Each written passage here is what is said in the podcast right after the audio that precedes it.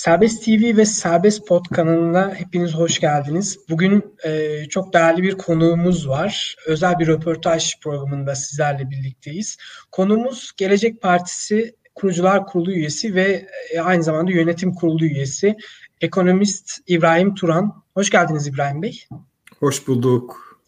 Ee, biz sizi e, ülkecek ağırlıklı olarak ekonomist e, kimliğinizle tanıyoruz. E, geçmişte yürüttüğünüz Merkez Bankası e, Başkan Yardımcılığı, Borsa İstanbul Yönetim Kurulu ve Genel Müdürlüğü, Yönetim Kurulu Başkanlığı.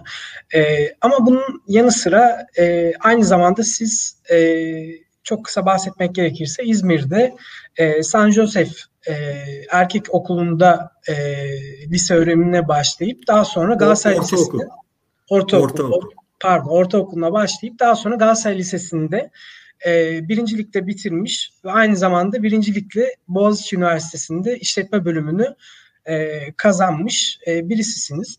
E, bir Boğaziçi e, mezunu e, kimliğinizle bugün sizinle e, röportaj yapmak istiyoruz. Yani ekonomi konusunda çok kıymetli fikirleriniz ve çözüm önerileriniz var. Biz de sık sık e, sizi rahatsız ediyoruz bu konulardaki fikirlerinizi almak için. Ama şu anda ülkedeki gündem e, biliyorsunuz yaklaşık bir aydır ülke gündemini tamamen Boğaziçi Üniversitesi'ndeki olaylar e, üzerinden dönüyor ülkede gündem. Bu konuda sizin de sosyal medyada gerek yaptığınız paylaşımlar, gerek açıklamalar, çeşitli mecralardaki e, olaylara aslında e, hem çok üzgün hem de çok öfkeli olarak e, baktığınızı bize gösteriyor. Bu konuda birkaç soru sorarak e, bu röportajı yapmak istiyoruz. Sizin için de uygunsa. Buyurun lütfen e, tabii ki. Sizin Boğaziçi Üniversitesi'nde öğrenci olduğunuz yıllarda e, katıldığınız bazı protestolar e, var. Protestolar katılmış bir öğrencisiniz Boğaziçi Üniversitesi'nde. E, o günlerdeki e, devletin bu protestolar müdahalesiyle şu anki müdahaleleri karşılaştırırsanız nasıl bir e, izlenim veriyor size ikisi arasındaki farklar? Teşekkür ederim. Valla e, şimdi bir kere ne yazık ki e, tabii Türkiye'de e, biz vatandaşlık bilincini yerleştiremediğimiz için e, birey devlet ilişkisi hep sorunlu ola geldi. Yani şimdi bir kere önce herhalde şu tespiti yaparak başlamamız lazım. Devlet her ne kadar e, zaman zaman bu konuda kafa karışıklığı yaşansa da ya da bizim toplumumuzda başka toplumlarda da e, bu konuda sağlıklı olmayan yaklaşımlar sergilense de böyle kutsal bir varlık, e, tanrısal bir otorite falan değildir. Devlet bir arada yaşamak zorunda olan insanların ortaklaşa görülmesi gereken işlerini çözümleyebilmek, e, adalet gibi, güvenlik gibi hani herhangi bir kesimin, bir grubun tekeline bırakılamayacak olan e, görevlerin yani ki bunlara kamu görevi deniyor. Çünkü bir de müsaade ederseniz orada da bir parantez için bu kamu kavramı da çok yanlış anlaşılıyor Türkiye'de. Kamu denince devlet geliyor akla. Oysa kamuyla devlet birbirinden farklı. Hani bu Yunus Emre'nin şiirlerinde geçer biliyorsunuz. Kamu alem birdir bize diyor. Yani kamu bütün demek toplam demek. Yani aslında bugünkü karşılığı da halk demek. Yani ülkede yaşayan bütün insanlar demek. E, bu kamu e, hizmetlerinin görülebilmesi için yaratılmış yani insan tarafından yaratılmış bir hizmet aracıdır devlet. E, elinde bazı tekeller vardır. Yani mesela güç kullanma tekeli uygar toplumlarda devlete aittir. Yani hiç kimse ihkak hak denilen yani kendi e, haklarını korumak ya da yerine getirmek için şiddete başvuramaz ya da adaleti kendisi sağlamaya çalışamaz. E, ya da işte ortaklaşa yapılması gereken işler için ekonomik kaynak gerekir tabii. Devlet bu gücünü kullanarak e, bizim hakkımız olan, bizim mülkiyetimizdeki varlığı, parayı bizden alabilir. Buna da vergi diyoruz. Yani Mustafa Ali Bey, devlet güç kullanma tekeline sahiptir. Devlet vergi toplama tekeline sahiptir. Devlet para basma tekeline sahiptir gibi hani böyle bir takım e, aslına bakacak olursanız e, bir takım temel haklarla ilgili devlete tanınmış ayrıcalıklar var. Bunun da sebebi e, bu işlerin düzenli bir şekilde görülmesi. Ama bu ayrıcalık sınırsız değil. Zaten e, modern devleti e, ya da gelişmiş devleti kabile devletinden ayırt eden özellikle hukuk. Yani hukuka uymak, hukukun üstünlüğünü kabul etmek. Devleti zapturapt altında tutan şey hukuktur. Devlet hukuk tanımaz hale gelirse o zaman bir çete olur. Ee, yani eşkıyadan farkı kalmaz. İşte ne yazık ki Türkiye'nin tarihine baktığımız zaman e, bu vatandaşlık bilinci gelişmediği için ki vatandaşlık bilinci e, işte hukukla birlikte devletin e, uygar davranmasını sağlayacak bir e, şeydir. E, denetim ve denge mekanizmasıdır. Devlet kendisini vatandaşlarına istediği şeyi dayatma e, hakkında ve konumunda görmüş hep. Yani bu zaman zaman e, insanların giyim kuşamı oluyor. Zaman zaman saçı sakalı oluyor. Zaman zaman konuştuğu dil, söylediği türkü oluyor.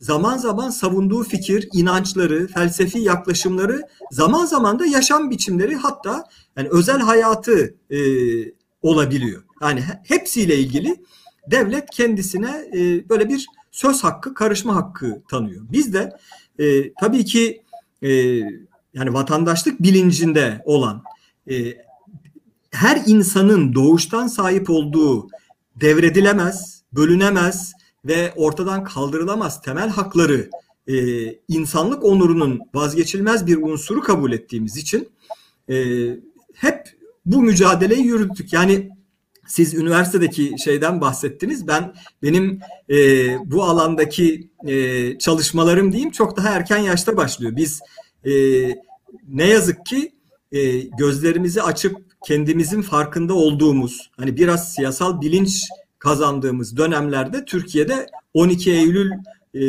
cuntasının e, soğuk rüzgarları esiyordu. Yani e, jandarma dipçiği, e, tüfek namlusu ne demektir?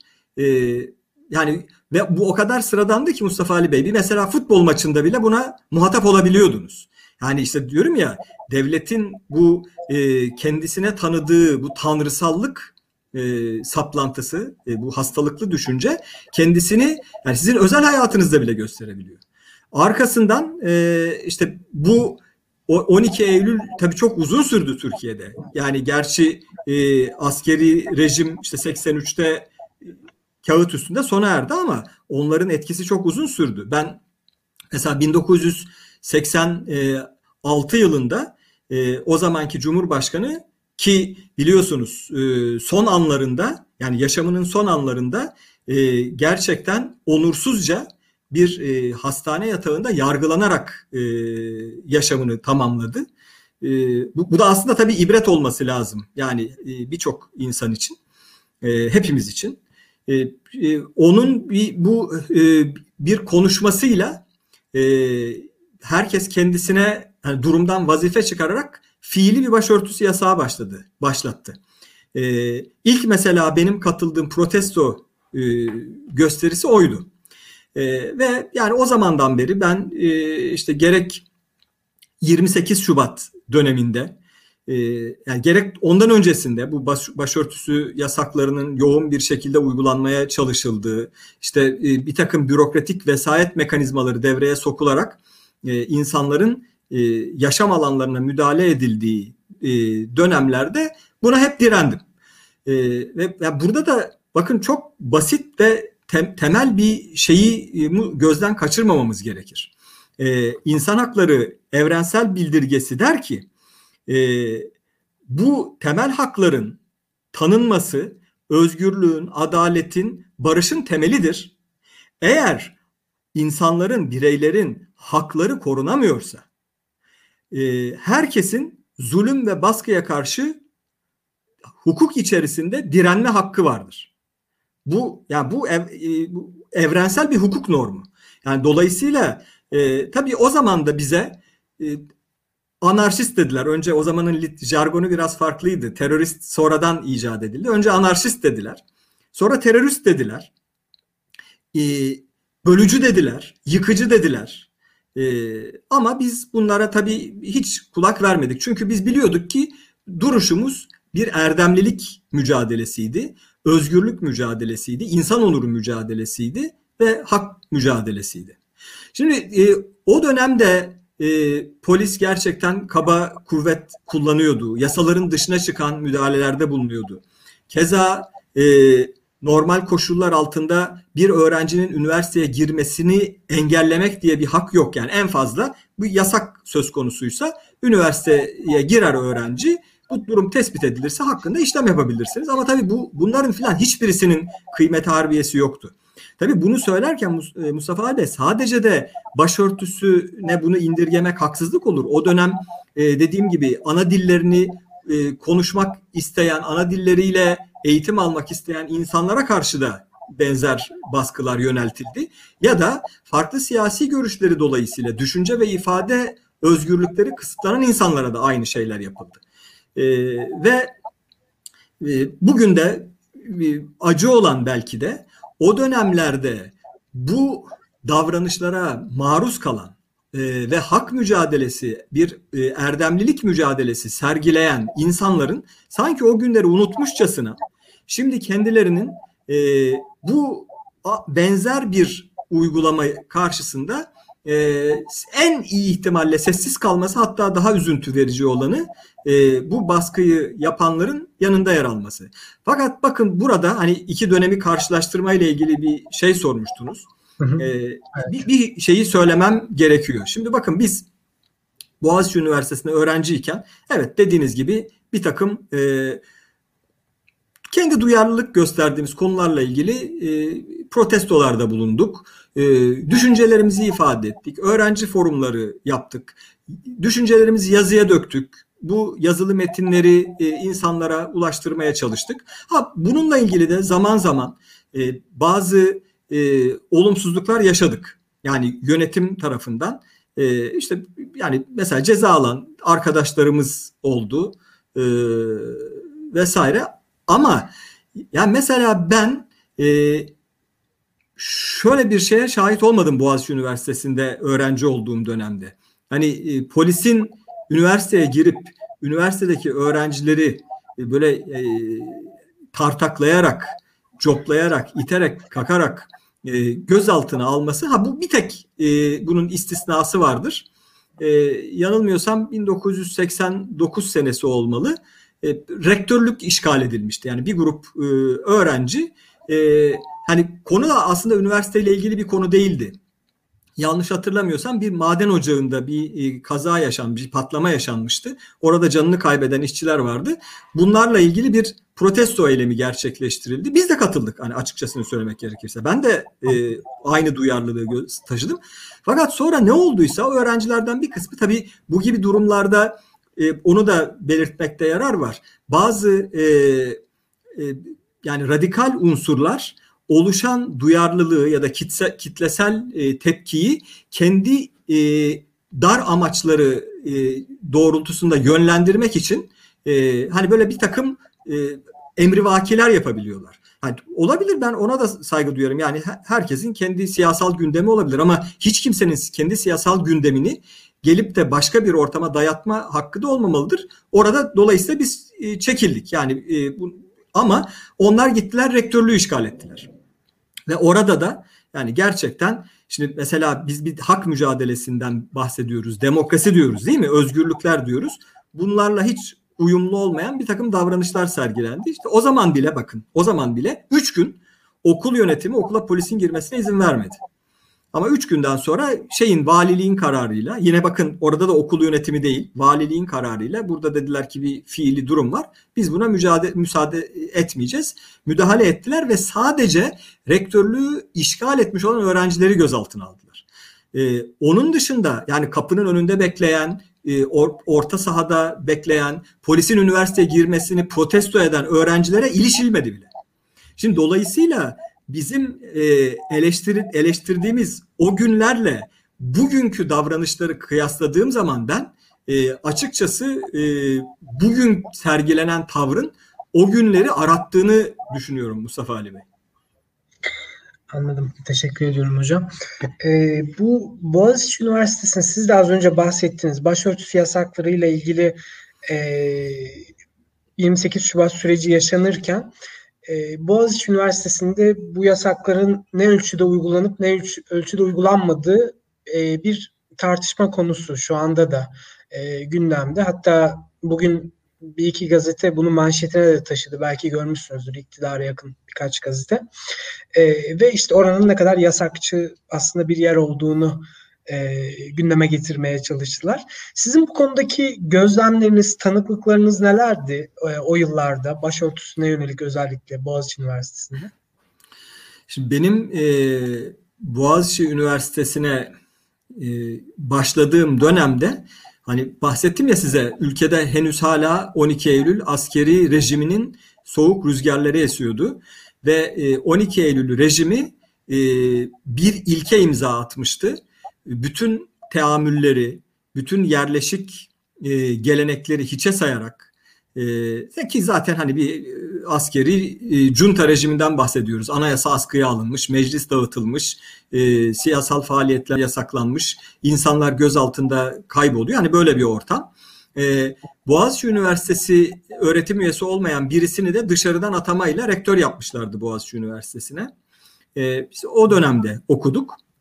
Ama biz e, mezun olurken e, üniversitemizden bir öğretim üyesi seçimle e, rektör olmuştu. Yani e, dolayısıyla e, hep çok sevindiğim bir şeydir. E, diplomamda e, Üstüner Güder'in imzası var. Hani e, o, o benim için bir teselli kaynağı olmuştur. Şimdi ben Üstüner Güder hocayı şunun için söylüyorum. E, politikaya giriş dersi aldım Üstüner Güder hocadan birinci sınıfta. Girdim. Ha, bir bambaşka bir şey çizdi bize Üstün Hoca. E, yani kendisini çok severim, çok takdir ederim gerçekten. Yani bir ufukumuzu genişletti. Ha, bizim hepimizin e, Mustafa Ali Bey kafamızda belli ön kabuller, belli yargılar vardı. Biliyorsunuz yani Türkiye'de bir de bu mahalle taassubu sorunu yaşıyoruz. Herkes kendi getosunda e, ve e, hani kulağını ötekine tıkayarak e, yaşıyor. Boğaziçi böyle bir yer değildi. Boğaziçi'nde herkes birbirine karşı e, açıktı. E, ya fikir ayrılıkları kuşkusuz vardı. Sorunlar kuşkusuz vardı. Yani Türkiye'nin genelini etkileyen sorunlar Boğaziçi'ne de yansıyordu kuşkusuz. E, hani hiç ayrımcılık yapılmıyordu dersem gerçeği e, çarpıtmış olurum. Ama yani okula hakim olan havanın özgürlükçü e, ve demokratik bir hava olduğunu söylemem gerekir. Yani bu, bu konuda gerek öğretim üyeleri, gerek e, öğrenciler e, son derece e, özgürlükçü bir yaklaşım sergilerlerdi hep. E, ve Boğaziçi Üniversitesi'nde fiilen diyorum bakın ben ben e, başörtüsü yasaklarını e, protesto ettiğimi söyledim. Genellikle bu protesto e, ve de işte hak arama e, gösterileri Türkiye geneline ilişkin e, sorunları işaret etmek içindi. Yoksa Boğaziçi Üniversitesi'nde fiilen e, başörtüsü yasağının uygulanması 28 Şubat rejimi dönemine gider. Orada bile bakın başlangıçta üniversitenin e, yönetimi buna direndi ve yine orada da e, bir rektörün görev süresi doldu. Yeni rektörün seçiminde yok yine teamüllere aykırı olarak e, en çok oy alanı değil kendi istediği e, kişiyi rektör olarak görevlendirdi. O zaman da bakın protestolar yapıldı. Ha şimdi bu unutuluyor. Mesela hani e, canım eskiden de böyleydi deniyor ya. Evet doğru eskiden de böyleydi ama eskiden biz bunu protesto ediyorduk. Yani e, şey olan burada üzüntü verici şey bu. Yani beni birlikte eskiden YÖK'ün en çok oy alan öğretim üyesini değil de bir başkasına ataması ya da Cumhurbaşkanının o dönemki Cumhurbaşkanının böyle bir tercih kullanmasını birlikte protesto ettiğimiz arkadaşlar şimdi canım ne var yürürlükteki kanunlara uygun değil mi bu atama diyorlar. E, o zaman da yürürlükteki kanunlara uygundu. Yani o zaman neyi protesto ediyorduk ki biz? E, şimdi e, 28 Şubat döneminde gerçekten bunu uygulamaya çalıştılar. O zaman da ne oldu biliyor musunuz Mustafa Ali Bey? Kişisel yaşantısında ya da kendi siyasal inancında, felsefi inancında başörtüsüne aslında karşı olan öğretim üyelerinin de çoğunluğu, çok büyük bir çoğunluğu, hepsi değil ama çok büyük bir çoğunluğu fiilen başörtüsü yasağını işlevsiz hale getirdiler. Öğrencilere bir şekilde üniversiteye girmeleri için hani işte e, orada tabii yani hoş olmayan şeyler yaşanıyor. Burada özgürlüğün pazarlığı olmaz. Yani onun altını çizelim lütfen kimse de yanlış anlamasın. Hani bunu bir e, şey gibi hani sanki matah bir şeymiş gibi söylemiyorum. Ama fiili bir durum vardı. Hani bir dayatma ile karşı karşıyaydık ve bu dayatma üniversitenin dışından gelen bir dayatmaydı. Bu 28 Şubat zihniyetinin dayatmasıydı. Meydanlarda protesto ettiğimiz bir zihniyetin dayatmasıydı. Ee, ama bir şekilde öğrencinin okula girmesi sağlanıyor. Ondan sonra da başını istediği gibi örtmesine kimse karışmıyordu. Birkaç böyle hoca dışında onu da okuldaki diğer hocalar bile eleştirdiler. E, hatta ve hatta bakın şunu söyleyeyim. Ben buna şahidim. E, bazı öğrenci arkadaşlar bu, bu şeyi de yapmak istemediler. Haklıydılar. Yani hani çünkü bu e, insanın kendi özgürlükleri üstünden pazarlık yapması e, hoş bir şey değil. İnsanın onurunu inciten bir şey. Bakın buna bile hassasiyet gösterilirdi ve okula giremeyen örtülü öğrenciler için dersler okul dışına taşındı Mustafa Ali Bey. Birçok öğretim üyesi tarafından. Ha, bu, bu, bakın bunlar da hani böyle e, bizimle aynı duyarlılıkları paylaşan öğretim üyeleri değildi. Yani bir kişi derse giremiyor diye hoca 39 kişiyle beraber dersi okul dışına taşıdı. E, ben ben buna şahidim. E, ya da işte belli saatlerde e, okulun böyle daha kuytu köşelerindeki giriş kapıları ayarlanarak oradan e, başörtülü öğrencilerin toplu olarak okula girmeleri sağlandı. Çünkü bir kere okula girdikten sonra e, ne öğrencilerden ne öğretim üyelerinden dediğim gibi bunun birkaç istisnası vardır. E, kimse öğrencilere ilişmiyordu. Yani Boğaziçi'nin çünkü genel ortamı e, genel kültürü budur. Ha eksiği yanlışı yok mu? Kuşkusuz yani eleştirilebilecek birçok şey var. Yani e, sınıfsal bakış açısıyla eleştirenler olabilir ya da işte kültürel hegemonya bakış açısıyla eleştirenler olabilir. Ben bu, bunlara itiraz etmiyorum.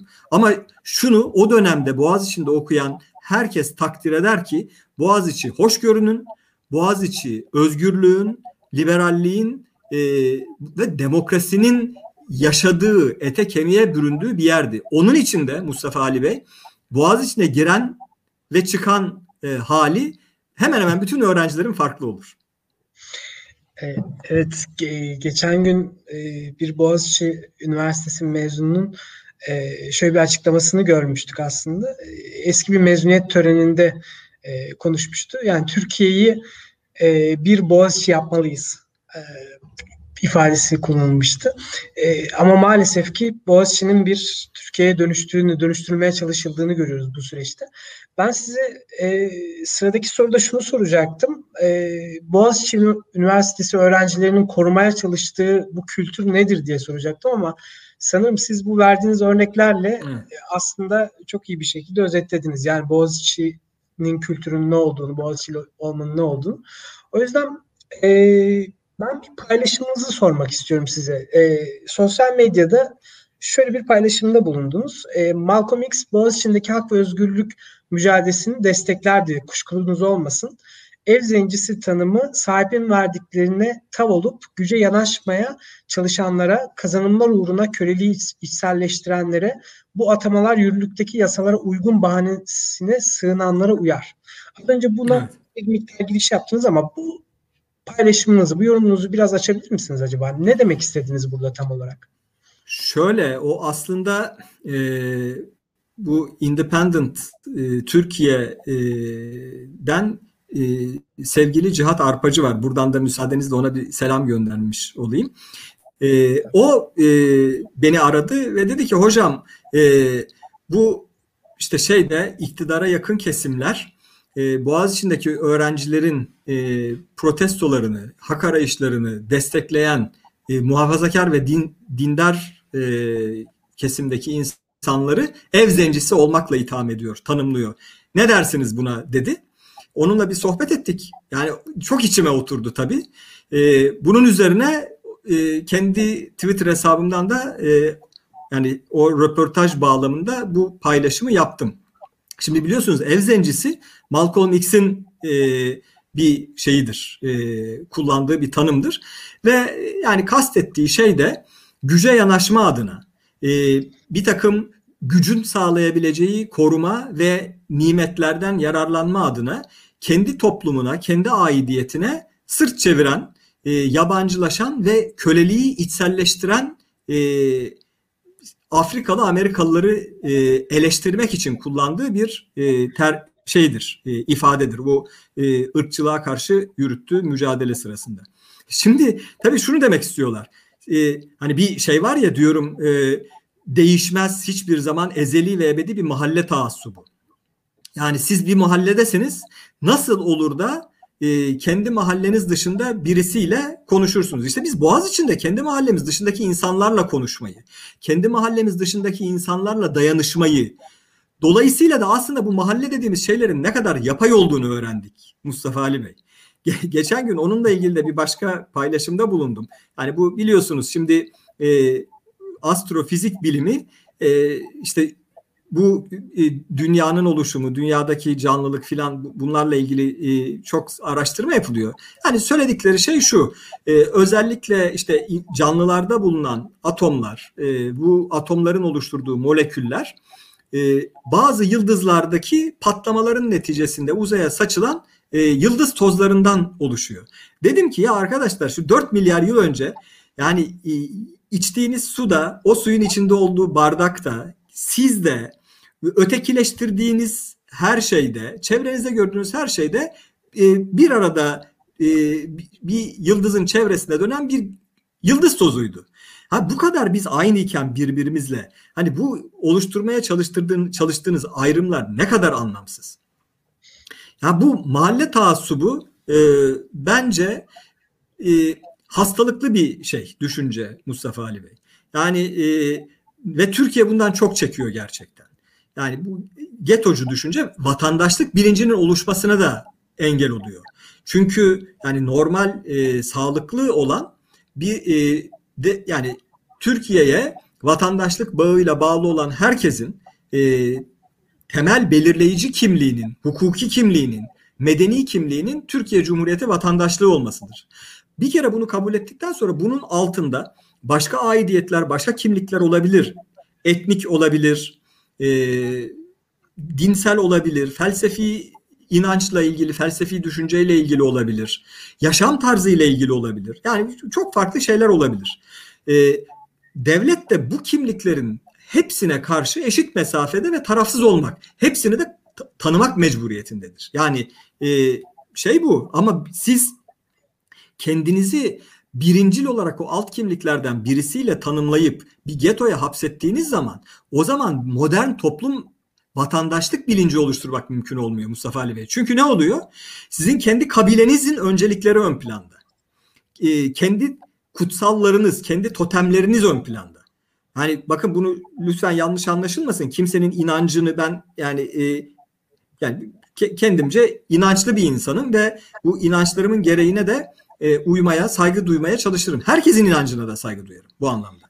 E, ama yani bu e, bana başkalarına kendi inancımı, kendi inanma biçimini dayatmayı ya da benim gösterdiğim aynı saygıyı, aynı duyarlılığı onlara da dayatma hakkını bana vermez diye düşünüyorum.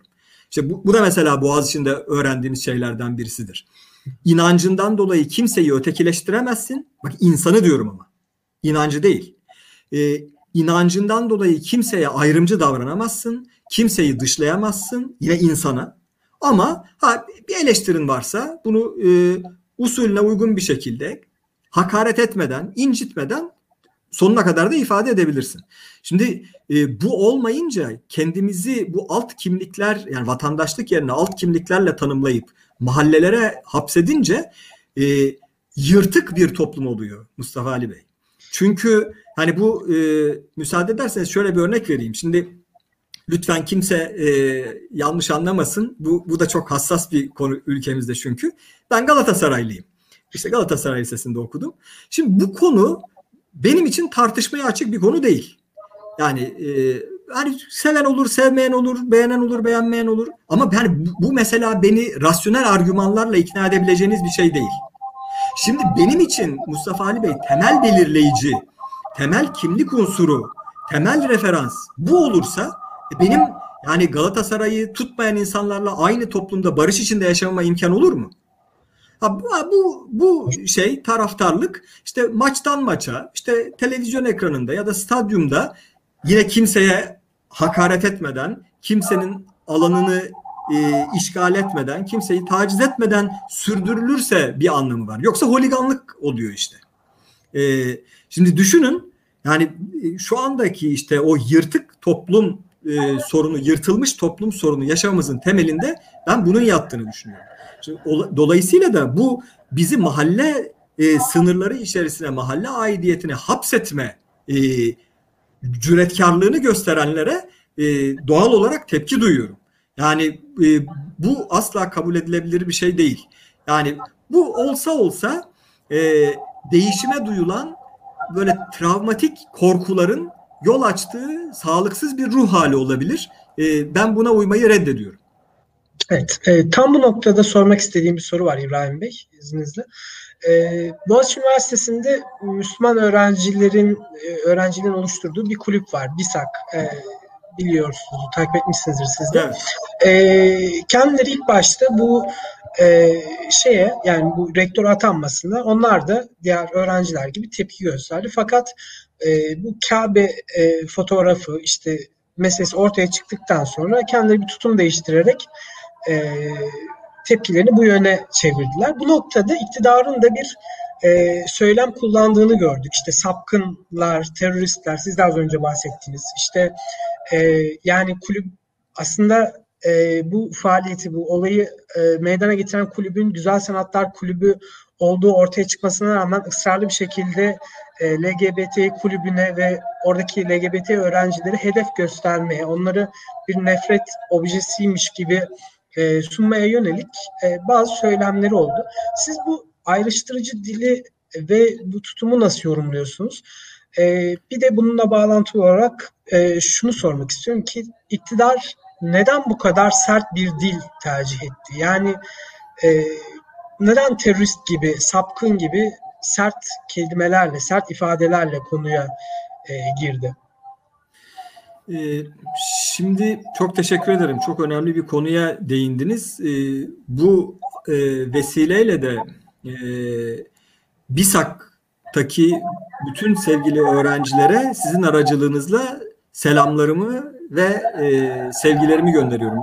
Çoğu tanıdığım arkadaşlarım, bir kısmı öğrencilerim. Yani hepsini de çok çok seviyorum. Evet Burada birkaç şey birbirine karıştı Mustafa Ali Bey. Şimdi e, ya o sanat eseri gerçekten birçok insan için incitici oldu. E, bunu da açıkça söylediler, dile de getirdiler. E, bence burada da hiçbir sorun yok. Yani ben de bir anlam veremedim ve e, yani açıkçası uygun uygunsuz olduğunu düşünüyorum. Ya bu bu tepkimi de bu düşüncemi de ifade ettim. Fakat şimdi bakın burada Şimdi bir bu rahatsızlığınızı ifade edeceksiniz. Ee, bu e, konu bahane edilerek öğrenciler tutuklanınca şimdi orada işin rengi değişir ama. Yani çünkü e, benim inancımın incinmesi sorundur ama bir insanın suçsuz yere ve hukuka aykırı bir şekilde çünkü bu tutuklanmayı gerektirecek, yargılanmayı gerektirecek bir durum yok ortada. E, tutuklanması, özgürlüğünün kısıtlanması çok daha önde gelen bir şeydir. Yani e, hukuka e, şey yapıyorsanız, e, hukuku referans alıyorsunuz, alıyorsanız orada normlar hiyerarşisi vardır. E, ya da temel hakların ve özgürlüklerin önceliği düşüncesi vardır. Dini referans alıyorsanız orada da e, biliyorsunuz ki e, bazı şeyler, e, konular diğerlerinden mesela mes, mesalih mesalihi hamse denilen beş tane temel e, maslahat ya da öncelik tanımlanır. Bu beş temel öncelik diğer şeylere e, önce gelir ve bunlar da kendi aralarında can e, güvenliğinden başlar. İşte can, e, akıl, din, e, nesep ve mal diye sıralanır en başta can vardır. Yani e, insanın yaşamının, insanın özgürlüklerinin korunması e, için e, e, diğer konular ikincil önemde değerlendirilir. Bu şeyde de böyledir. E, yani inançlı insanlar açısından bu hani çok e, genel ve üzerinde az sayıda mutabakat vardır tabii yani şeyde bu gibi konularda bu üstüne mutabakat olan konulardan birisidir. Şimdi E, dolayısıyla burada yani yapılması gereken e, bu sorunu öğrencilerin kendi aralarında tartışarak çözmeleri. E, ben orada bir uzlaşma bulunabileceğini düşünüyorum. E, çünkü e, yani neticede diyorum ya yani ben Boğaziçi'nin kültürüne ve atmosferine güveniyorum. E, ama ne yazık ki böyle olmadı. Şimdi orada e, yani ilk hata bence yani benim bence hata hani bunu ka- kabul etmeyenler olabilir. E, öyle oradaki to, o topluluğun içerisinde önemli bir e, kesim için incitici olabileceği düşünülen bir şeyin e, simgenin orada yer alması. Ama yani e, dediğim gibi yani e, bu e, iş böyle başladı. Arkasından e, öğrencilerin kendi aralarında çözmeleri gereken bir sorun bir e, adli olay haline gelip hele de hukukun ağır bir şekilde ihlal edildiği, öğrencilerin zarar gördüğü bir durum ortaya çıktığı zaman bunun ikinci planda bırakılması gerekiyordu. Bu ikinci planda bırakılmadı. Ve e, olayın odağı saptı, yanlış bir tartışmaya sıkıştı. Arkasından bir hata daha oldu. O hata da şudur. E, bu sefer bir grup e, başka öğrenci e, BİSAK'ta bu sanat eserine tepki gösteren ve bununla ilgili belki biraz da maksadını aşan ifadeler kullanan öğrencilerle ilgili fişleme yaptılar. İşte bakın bu da affedilmez bir şey. İşte hani diyorum ya bizim bu mahalle taassubu sorunumuz, demokrasi eksikliğimiz, özgürlüklere olan e, bağlılığımız konusunda yaşadığımız sorunlar tek bir kesime ait sorun değil. Ne yazık ki e, her kesimde şöyle ya da böyle az ya da çok bunun yansımaları görülüyor. Tabii bunu kabul etmek, e, buna onay vermek mümkün değil. Yani fişleme dediğiniz şey e, tam yani faşist e, iktidarların yaptırmaya çalıştığı şeydir. Hani bu Türkiye'de çok 12 Eylül rejimiyle simgelenmiştir. Ee, sevgili muhbir vatandaş diye e, bu cuntacıların yazdığı bir şey vardır. E, e, mektup. Yani onunla özdeşleşmiştir. Yani bakın bugün de mesela bir süredir e, hükümetin vatandaşları komşularına karşı, arkadaşlarına karşı e, böyle ihbarda bulunma yönünde yönlendiren e, girişimlerde bulunduğunu ben endişeyle görüyorum. Ne yazık ki bu işte e, kendisini farklı toplum kesimlerinde gösteriyor. Dolayısıyla bu bütün bu yaşanan olaylar sebebiyle e, başlamış olan ve uyum içerisinde yürütülen bir şey e, birliktelik, e, bir dayanışma zedelendi. Fakat ben büyük bir memnuniyetle daha sonra gördüm ki e, İslami hassasiyeti olan, dindar olan öğrenciler de bu benim bahsettiğim çekinceleri ifade etmekle birlikte hayır biz e, burada yapılmak istenenin ucuz bir oyun olduğunun farkındayız. E, bu oyuna gelmeyeceğiz. Eleştirilerimiz bakidir ama arkadaşlarımızla birlikteyiz. Arkadaşlarımızın şeytanlaştırılmasına, ötekileştirilmesine, hedef gösterilmesine karşıyız e, ve direnişe devam edeceğiz yönünde mesajlar gönderdiler.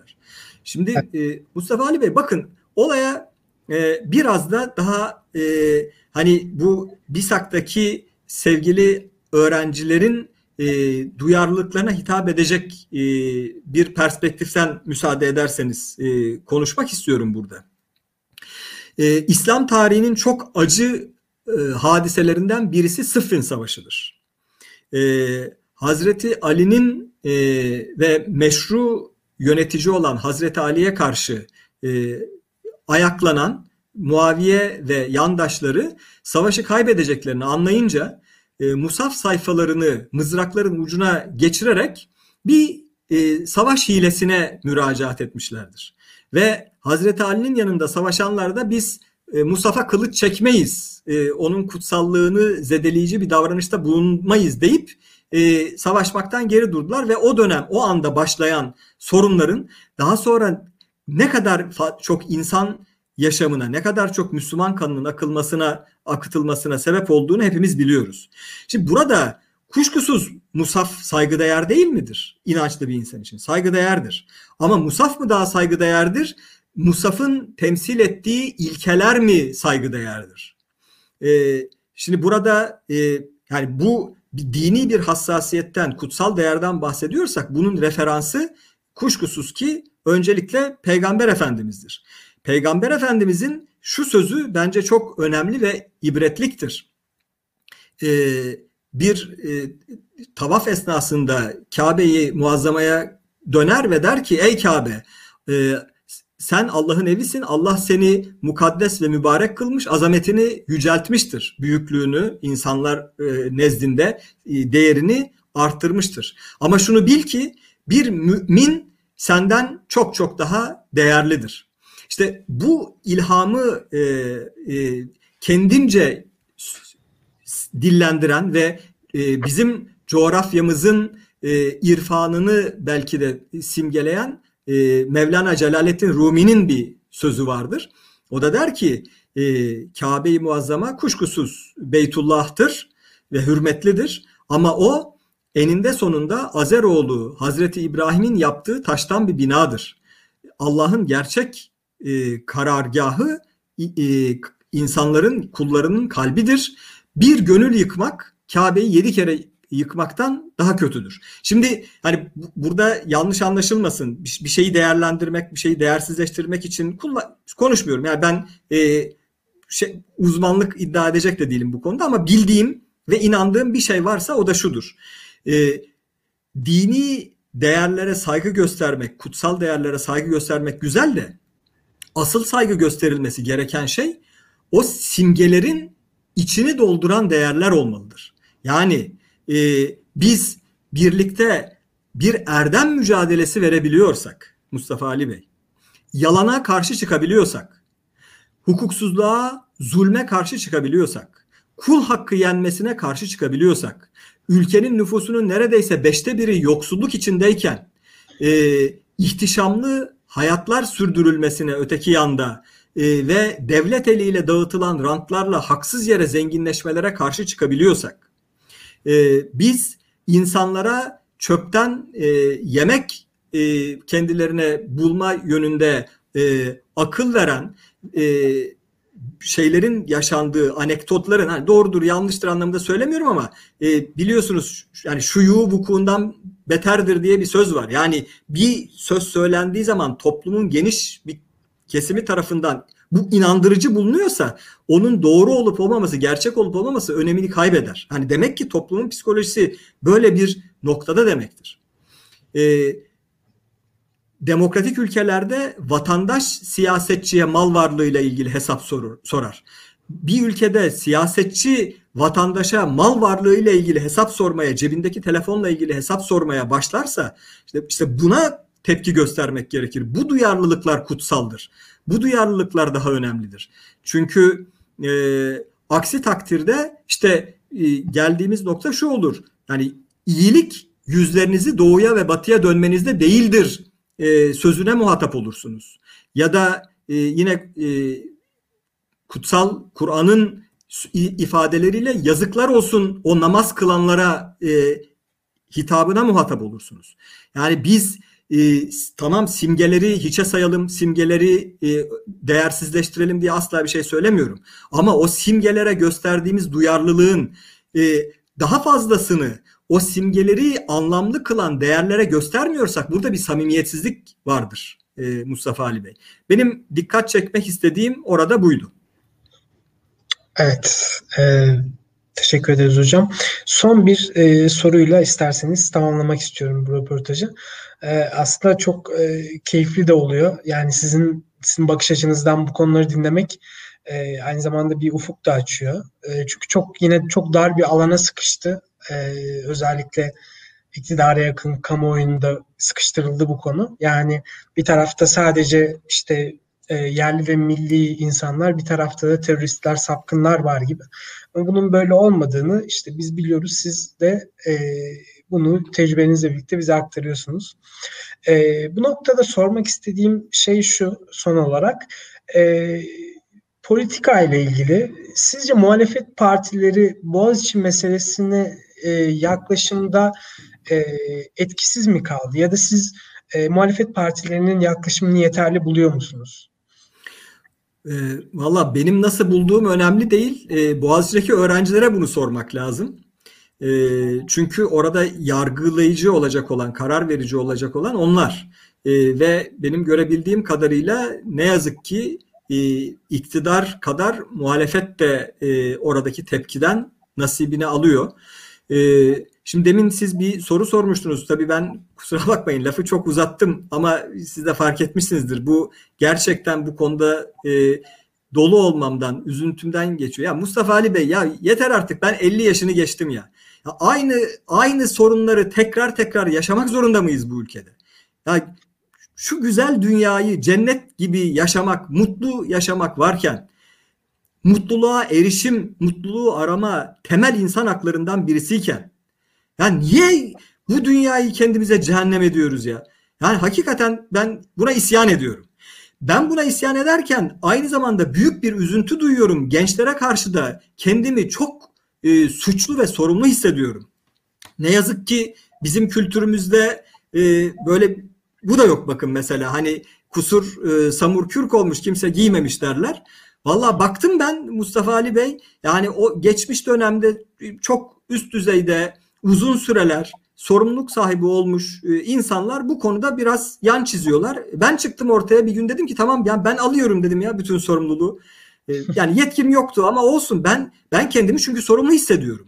E, ve özür diliyorum dedim. Yani bütün gençlerden özür diliyorum. Onlara bıraktığımız bu ortam için, bu ülkeyi onlar için yaşanmanın yaşanma yaşamayı arzu edecekleri, yaşamaktan mutlu olacakları bir ortam haline çeviremedik, çeviremediğimiz için. Kendi neslim, kendi kuşağım adına. Şimdi hani herkesin bu konuda bence e, külahını önüne koyup düşünmesi lazım.